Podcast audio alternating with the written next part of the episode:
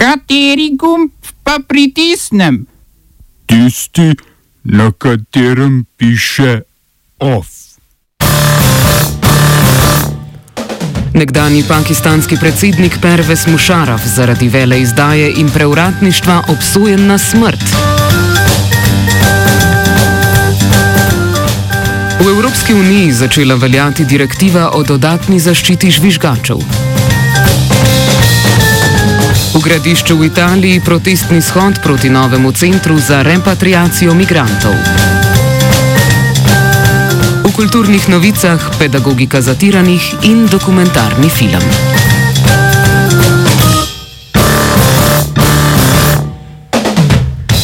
Slovenska policija je po sodni odredbi razkrila do nedavnega tajna navodila za mejne patrulje v zvezi z obravnavo migrantov na meji. Organizacija Amnesty International je v dokumentih opozorila na očitne znake protipravnega predajanja prosilcev za azil Hrvaški. Ti naj bi ob prijetju avtomatično pripadli hrvaškim oblastem, tudi če bi za azil prosili slovenskega policista. Poleg tega je vodstvo policije odredilo, da je treba prosilce iz Alžirije in Maroka zapreti v center za tujce v postojni. To je utemeljilo s predpostavko, da naj bi ti državljani zlorabljali azilne postopke, se drogirali in kradli. Takšna utemeljitev napeljuje k etničnemu profiliranju in diskriminira alžirske in maroške prosilce za azil. Dokumenti tako dokončno potrjujejo javno skrivnost, da je delovanje slovenske policije v nasprotju z mednarodnim pravom.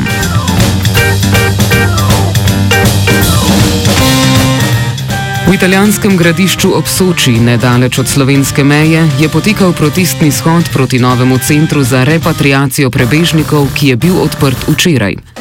Protestni shod so sklicali člani gibanja No CPR Eno Frontiere, ki menijo, da so CPR centri nehumani etnični zapori, ki kršijo osnovne človekove pravice. Center CPR bo zadrževal migrante, ki čakajo na izgon iz države. Prvi protestni shod proti Centru za repatriacijo je bil organiziran oktobra 2018, govori član gibanja Darjan Vovk. Mi smo kot um, skupščina proti, proti deportacijskim centrom in proti, proti mejam sklicali en sitin oziroma en protest, kater, um, zaradi katerega s tem smo želeli sporočiti uh, predvsem javnosti, ki Eh, problematiko teh deportacijskih centrov in samih uh, centrov, ki v Italiji delujejo kot formalno deportacijski centri, neformalno pa so to centri za, um, tako za prosilce za azil, kot uh, morda tudi za tiste, ki uh, ne bodo nikoli uh, potem repatriirani, se pravi, ne, ne bodo uh, odšli Eh, nazaj v, v državo izvora, zato ker Italija nima z nekaterimi državami bilateralnih sporazumov in zaradi tega, ker eh, samo financiranje teh, eh, teh operacij je zelo težavno.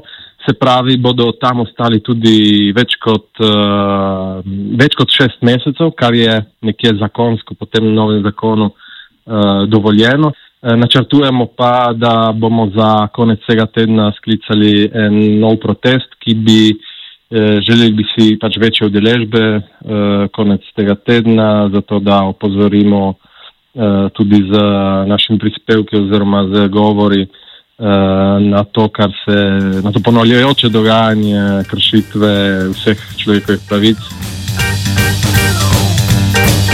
Nekdanji pakistanski predsednik Pervez Musharraf je bil zaradi vele izdaje in preuratništva obsojen na smrt. Musharraf, ki je leta 1999 izvedel puč proti vladi Navaza Šarifa in državo vodil do leta 2008, je novembra 2007 po prepričanju sodišča protiustavno razglasil izredne razmere, da bi podaljšal svojo oblast. Sledili so protesti, ki so vodili v njegov odstop. Ko je na oblast zopet prišel šarif, je ta leta 2013 sprožil sodni postopek, naslednje leto pa je bil Mušarov še uradno obtožen vele izdaje. Čeprav se je oblast leta 2018 zamenjala, pakistanski premijer je namreč postal Imran Khan, se je postopek proti nekdanjemu prvemu možu države nadaljeval. Tričlanski senat je z dvema glasovoma za in enim proti potrdil smrtno kazen. Mušarov, ki se sicer zdravi v Dubaju, se na sodbo še ni odzval, že večkrat pa je povdaril, da naj bi bil primer politično motiviran.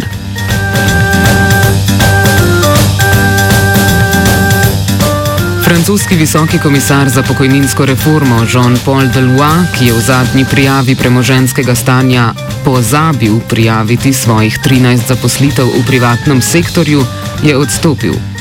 Delois je očitno prepoznal koristi obstoječega pokojninskega sistema in želi izkoristiti možnost predčasne upokojitve, dokler še lahko. Odkar je francoski predsednik Emmanuel Macron naznanil reformo pokojninskega sistema, ji sindikati nasprotujejo. Zadnjih 13 dni pa tudi stavkajo ter protestirajo. Reforma bi zvišala starost polne upokojitve za dve leti, nadomestila trenutnih 42 različnih pokojninskih schem z eno in več milijonom ljudi ukinila dodatke, ki so jih do sedaj dobivali, kot je recimo pravica do zgodnje upokojitve zaposlenih v javnem prometu. Posledice stavk so najbolj vidne v Parizu, kjer normalno obratujeta le dve od 16 metrov linij. Oteženo je tudi medkrajevno potovanje, saj trenutno delujeta le tretjina hitrih vlakov in četrtina avtobusov. Stavkam so se pridružili nekateri zaposleni v šolstvu in zdravstvu. Tudi po spremembah načrta, da bi ta prizadel le ljudi rojene po letu 1975, se protesti niso prenehali.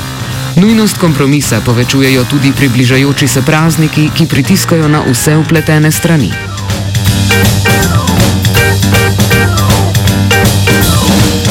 V Evropski uniji je začela veljati direktiva, ki dodatno ščiti žvižgače, ki prijavljajo kršitve prava EU, kot so pranje denarja, kršitve varstva podatkov, kršitve varstva okolja in podobno. V skladu z novo zakonodajo, ki jo morajo sprejeti še parlamenti držav članic, bodo žvižgači zaščiteni pred premestitvijo na nižje delovno mesto in odpustitvijo. Nacionalni organi pa bodo morali izobraževati ter usposabljati javne organe o ravnanju z njimi. Zaščita se prenese tudi na sodelavce in družinske člane. Države članice EU imajo dve leti časa za prenos sprememb v lastno zakonodajo.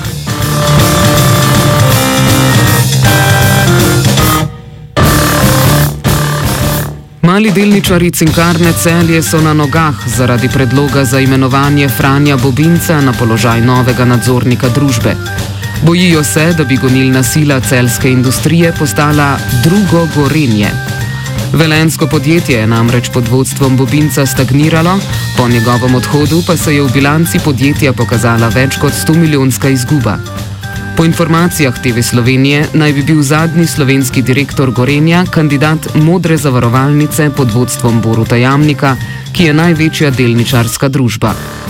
Cinkarna celje sicer posluje uspešno in je v prvem polletju letošnjega leta ustvarila 9,7 milijona evrov čistega dobička.